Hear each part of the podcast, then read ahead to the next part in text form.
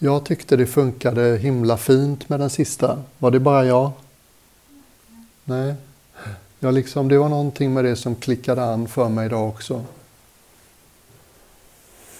Då tror jag gärna fortsätter på samma spår lite.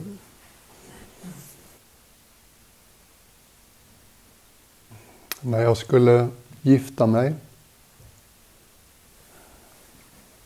tre år sedan så skulle vi ha någon inskription i våra ringar.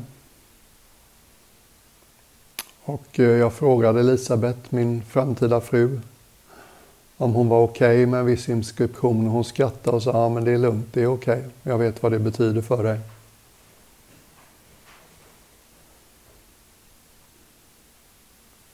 Så jag ringde till juveleraren. De hade fått en del guld som Elisabeth hade ärvt som vi skulle göra våra ringar av. Och så berättade jag vad jag ville ha inskrivet på insidan av min ring. Och då fnissade juveleraren till och sa det var nog den mest oromantiska inskriptionen jag någonsin har hört. Mm.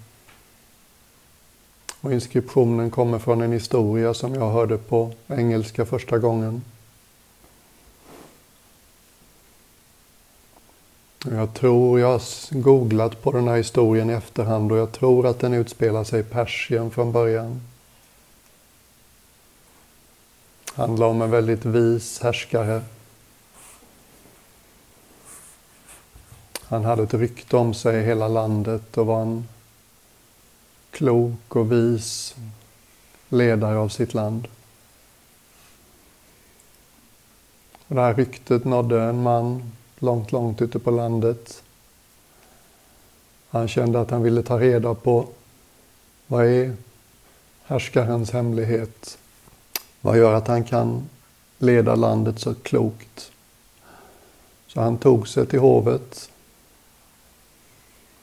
Det var säkert många veckors vandring. Och fick en audiens med shahen kanske det kallades. Mogulen, vad vet jag. Och så frågar han kungen. Vad är din hemlighet? Vad hjälper det att vara så vis i ditt sätt att styra vårt land? Och kungen tog av sig en ring han hade på ett av sina fingrar och lämnade över ringen till besökaren. Så sa kungen att hemligheten bakom min visdom det står skrivet på insidan av den här ringen. Och så stod det då i den engelska versionen av den här historien, på insidan av ringen, så stod det skrivet This too shall pass.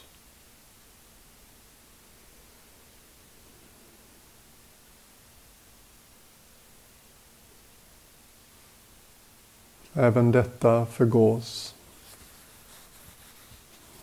Mm. Och det som jag sa i morse, det kan vara en obekväm sanning på ytan. Men det är trots allt en sanning. Och det är alltid en god idé att anpassa sig till sanningar, vänja sig vid sanningar.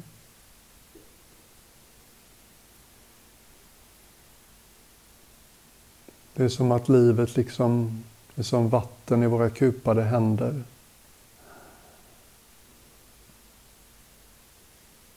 Det är förgängligt. Alla vi tycker om och värdesätter i våra liv. Vi kommer ta slut en dag. Vi har varandra till låns.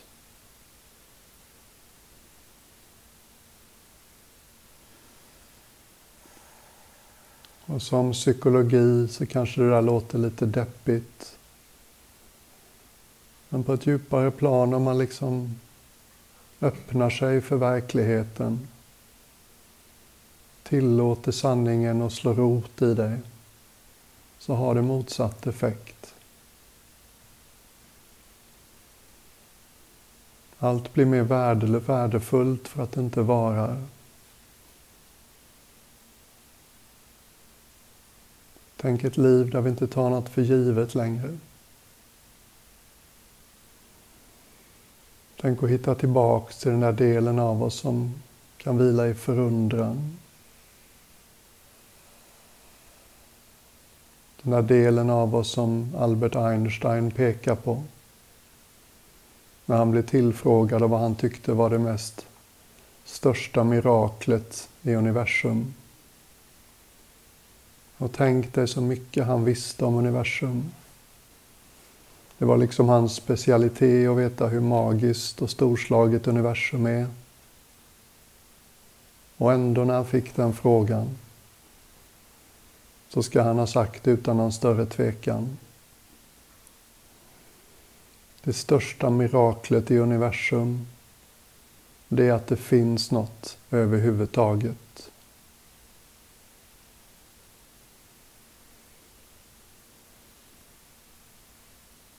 Där kan vi snacka om att hitta tillbaks till det magiska elementet i livet. Inte ta något för givet.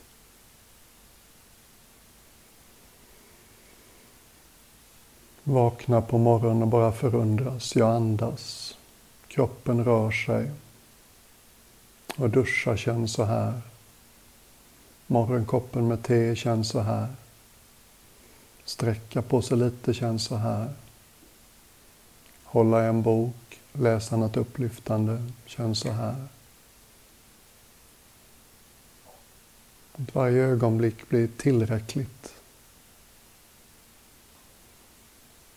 Kommer ur den där tendensen och vilja att det ska vara mer eller mindre av någonting i ögonblicket.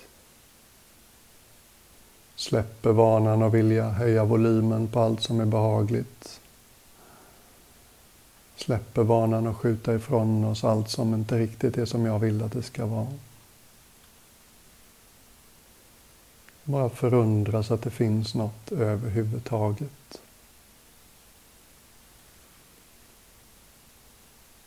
Möta någons blick och komma tillbaks till den grundläggande sanningen.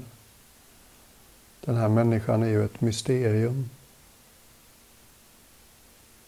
Släppa bilden vi har i huvudet av andra. Den här lilla begränsande idén vi har om andra. Och öppna oss för allt vi inte vet.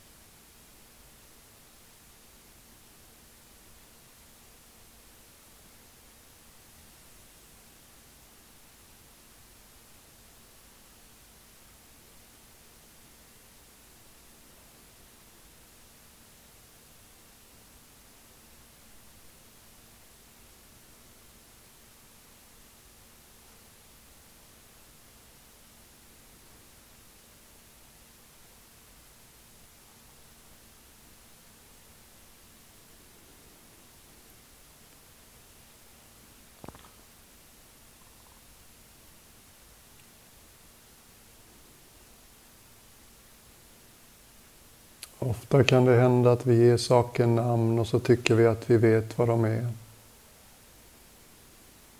Det där är Gösta. Det där är Petra.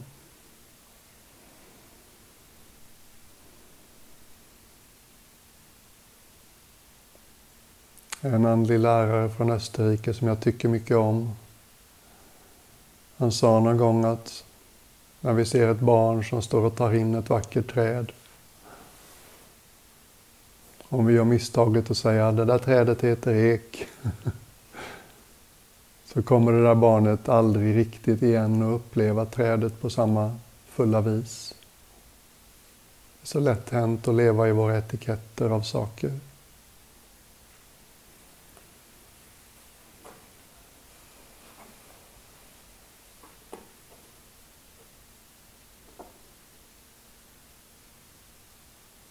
Det är så många av oss som får betalt i yrket för att producera ord och tankar och resonemang. Det är väldigt lätt hänt att det blir nästan den enda verkligheten. Och många av oss känner ett behov både i privatlivet och i yrket. Att vi ska liksom ha koll och veta. Och det är vackert så, det finns många goda skäl till det. Men det finns också något väldigt fint som blir mer tillgängligt. Om vi då och då kan vila i och inte behöva veta.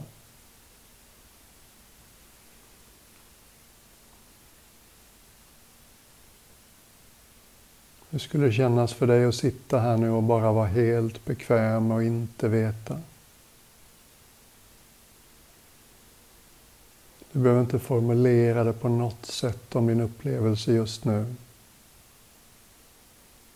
Du behöver inte förstå vart den är på väg. Du behöver inte förstå ändamålet, syftet. Du behöver inte förstå grejen. Kan du bara sitta här och vara tillgänglig? Låta livet komma och gå genom dig. Låta ljuden i rummet komma och gå.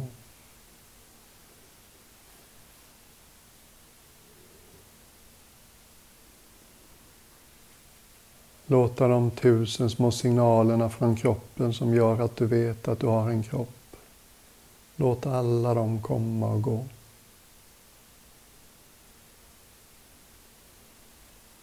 Vi stänger oss inte för något av det där. Vi använder det istället. Vi tar det till hjälp. Vi låter det hjälpa oss att öppna. Låta vårt varevarsande, varevars, varsevarande få liksom veckla ut sig.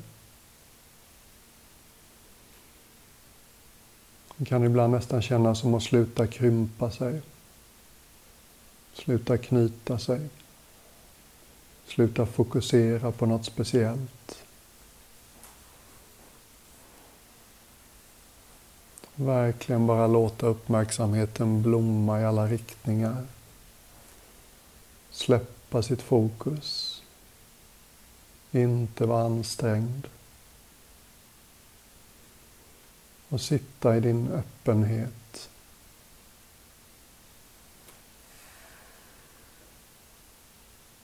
En vaken, ledig, obekymrad öppenhet. Ett alldeles naturligt tillstånd.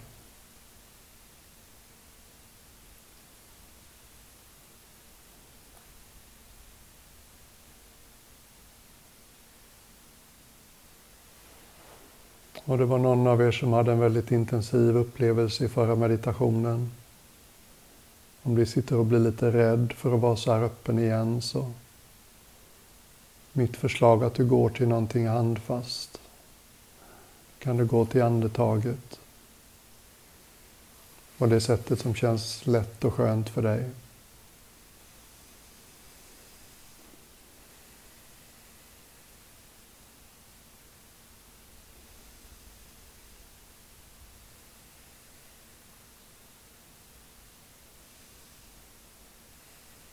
När vi blir så här öppna så släpper vi också taget lite om idéer om oss själva. Vi blir inte längre lika solida för oss själva.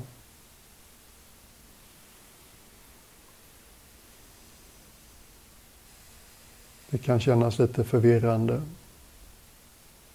Vem är jag nu när jag inte följer några tankar? När jag inte vidmakthåller idéer om vem jag är. När jag bara låter min uppmärksamhet veckla ut sig till ett varsevarande. Du behöver inte veta vem du är.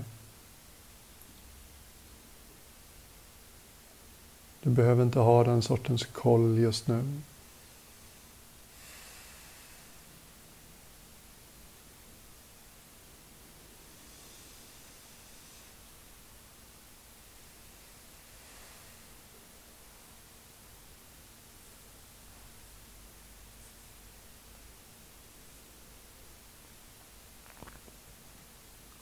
Du kan bara sitta här.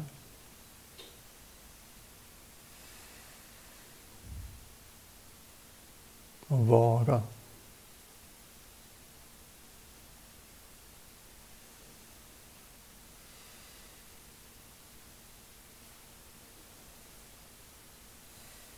Någonstans i Gamla Testamentet, tror jag, så finns det en av de mest omdiskuterade raderna i Bibeln.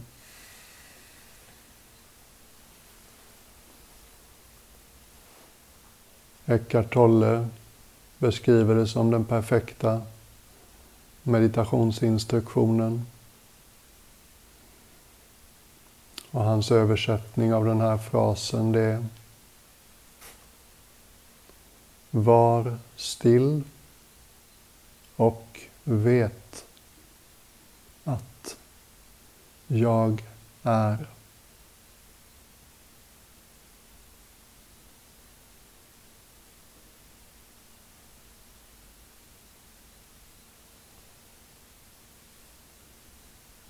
För några av oss så kan det vara en liten krok som funkar.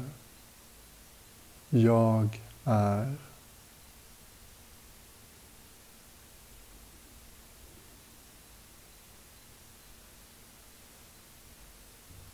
Det vi lutar oss tillbaks i just nu, det är inte bara varse. Det är också. Någonting är och har varit sen du tog ditt första andetag och innan dess också för den delen.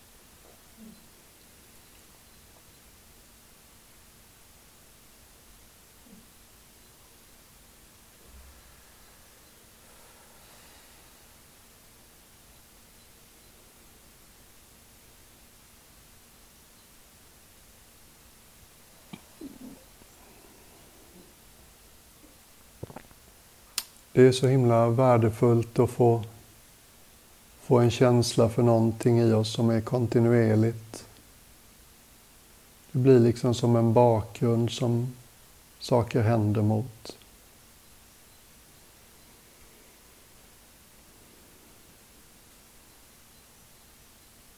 Någonting som är still och vet att jag är.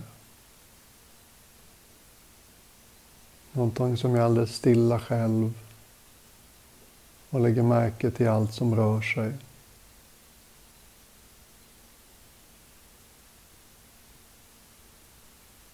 Tystnaden bakom och runt och före och efter och under alla ljud.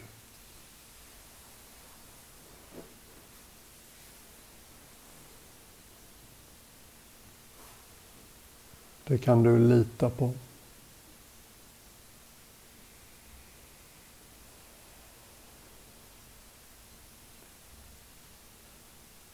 Det som kommer och går kan vara så hypnotiskt.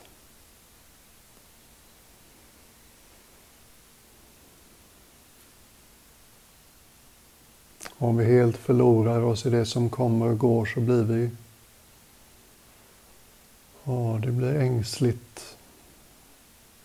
Det blir viktigt att ha kontroll hela tiden.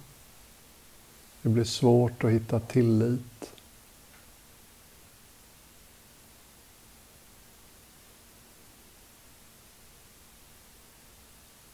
Får vi på något sätt vår egen känsla för något som inte kommer och går. Mina ord kanske inte är dina ord. Varsevarande kanske inte funkar för dig. Stillheten kanske inte funkar för dig. Tystnaden kanske inte funkar för dig. Ibland talar man om ett stilla vittne. Kristendomen har förstås sin egen vokabulär. Jag tycker den helige Ande är ganska fint. Och visst är jag lite nöjd att även ande finns med i varse var ande.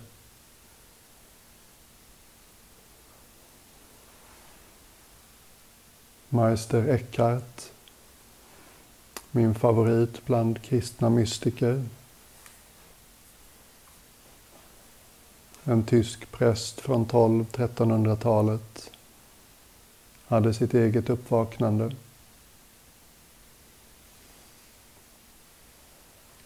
Började predika på söndagarna på plattyska istället för på latin. Ni kan ju tänka er vad Vatikanstaten tyckte om det. Han ville ju bara dela med sig av vad han hade upptäckt.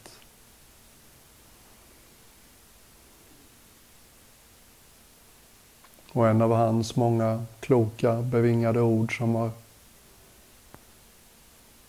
gått till eftervärlden, det var ett uttalande i stil med Gud är alltid hemma. Det är vi människor som är ute på promenad då och då. Mm.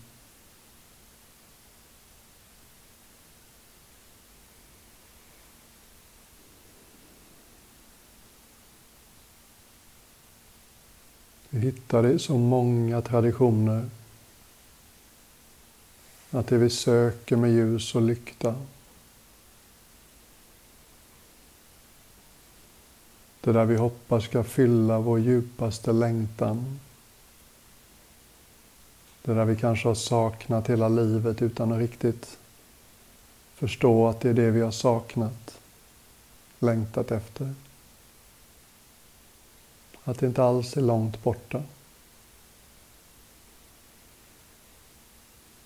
Att det inte alls hör till någon exotisk religion eller någon gammal skrift. Eller någon gudomlighet man måste be till. Igen och igen ser vi exempel på att folk har hittat det så nära, så nära.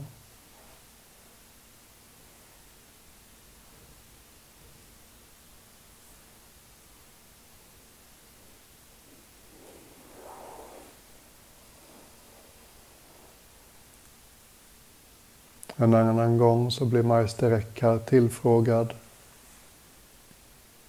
efter söndagspredikningen om församlingsmedlem som sa Jag vill också känna Gud på det sättet som du tycks göra. Hjälp mig, men det måste vara enkelt. Jag kommer inte ihåg långa instruktioner. Meister Eckhart han svarade ungefär att det är inte svårt att förklara. Allt du behöver göra för att känna Gud på samma sätt som jag gör. Det är att förstå vem som tittar ut genom dina ögon.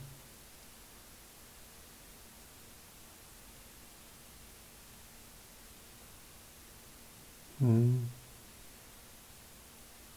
Där går liksom vårt intellekt bet. Dit kan inte intellektet gå.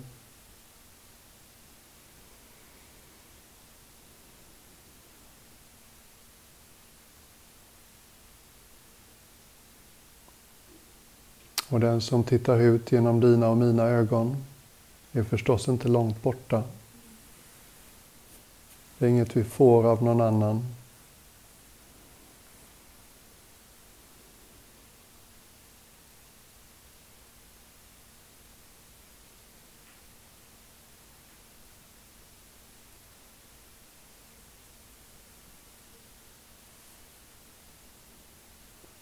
Och jag tar mig ibland lite poetisk frihet. Jag tycker mycket om den påminnelsen.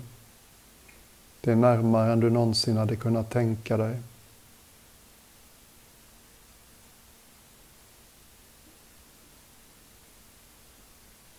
En bild som dyker upp för mig emellanåt är att någonting sitter och viskar till mig. Kom hem. Är det inte dags att komma hem? Det är det som är vårt sanna hem. Allt annat är transitplatser. Ställen som börjar och slutar.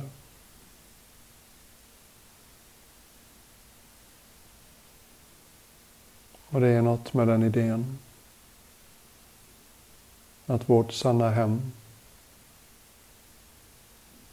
där vi hör hemma på riktigt, det har vi burit med oss hela livet. Men det är en sån ovanlig riktning. Så lite i samtiden som uppmuntrar oss att titta åt det hållet.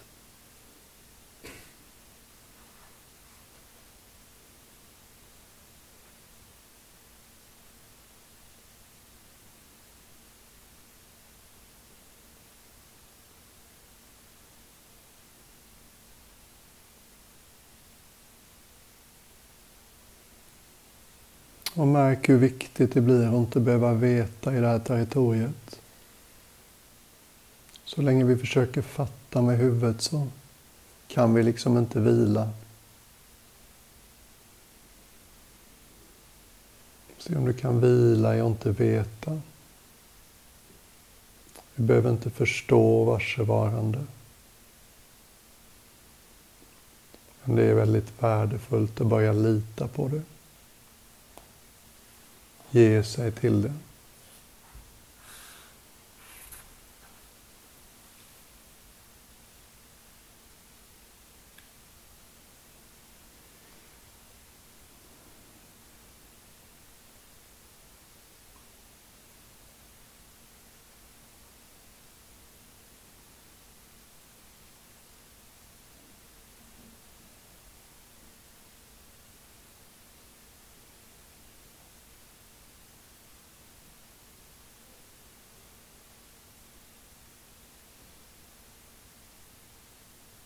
Det finns till och med en kinesisk zenmästare på Amerikas östkust. Ett stort vackert kloster och många besökare och retreats. Hans huvudsakliga meditationsmetod det är the don't know mind.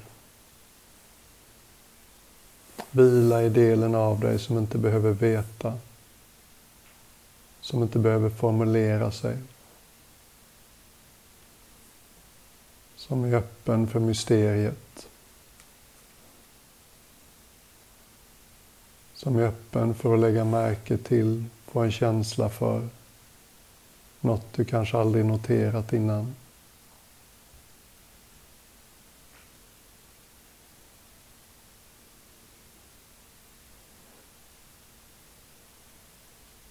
En del av oss som kan vila utan att ständigt skapa dåtid och framtid genom att tänka.